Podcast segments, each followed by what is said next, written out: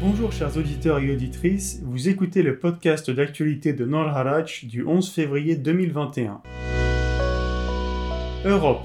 L'UE et l'ambassade de Lituanie vont fournir des colis d'aide d'urgence à 150 familles déplacées du Haut-Karabakh dans le cadre de l'initiative Team Europe.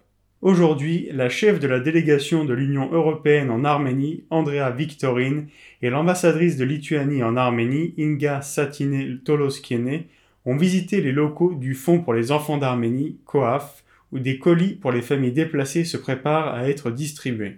Grâce à cette initiative conjointe, 150 familles recevront des colis d'aide d'urgence comprenant de la nourriture, des articles d'hygiène et des vêtements d'hiver. 450 enfants recevront des articles de papeterie et 150 familles déplacées recevront un soutien psychosocial, des soins de santé et des séances d'orthophonie. Le projet est mis en œuvre dans les régions d'Armavij, Lori, Chirac, Tavush et Aragatsoten. Europe toujours.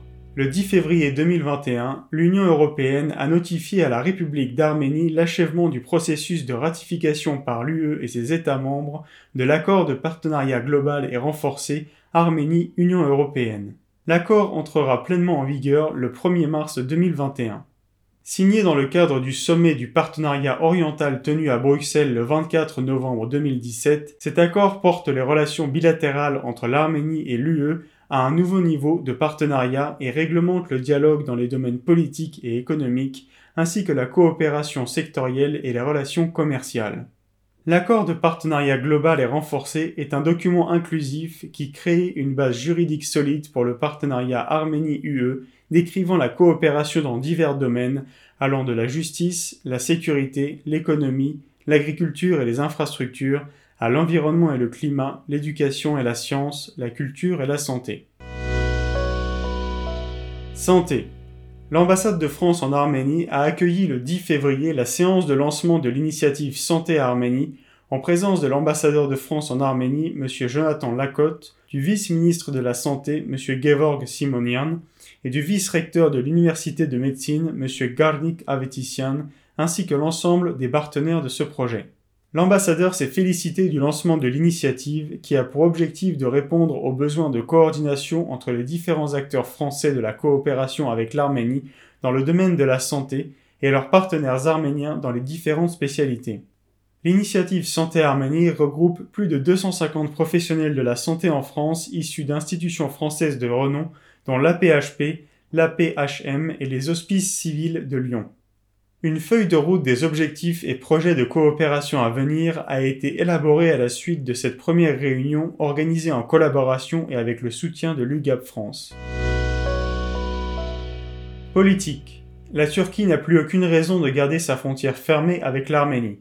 C'est ce qu'a déclaré au Parlement le ministre des Affaires étrangères Ara Ayvazian. Celui-ci a déclaré aux législateurs comme vous le savez, le blocus et la fermeture de la frontière étaient le résultat du status quo au Haut-Karabakh qui a changé par l'usage de la force. La Turquie n'a donc plus aucune raison de garder sa frontière avec l'Arménie fermée. Pour le moment, aucun processus de normalisation des relations turco-arméniennes n'est en cours. Mais l'Arménie et notre diplomatie feront des efforts significatifs pour que notre voisinage devienne plus favorable à la sécurité de l'Arménie. Politique toujours. La présence des forces armées azerbaïdjanaises dans les communes de la région de Syunik de la République d'Arménie ou sur les routes, et en particulier tout mouvement de leurs unités sur ces mêmes routes, doit être exclu, a déclaré le défenseur des droits de l'homme d'Arménie Arman Tatoyan. Selon lui, la simple présence de l'armée azerbaïdjanaise continue de violer gravement les droits des frontaliers arméniens ou de mettre gravement en danger leur vie. Quelles que soient les circonstances, leur présence ou tout mouvement est dépourvu de toute base légale et contredit les fondements des droits de l'homme au regard du droit international.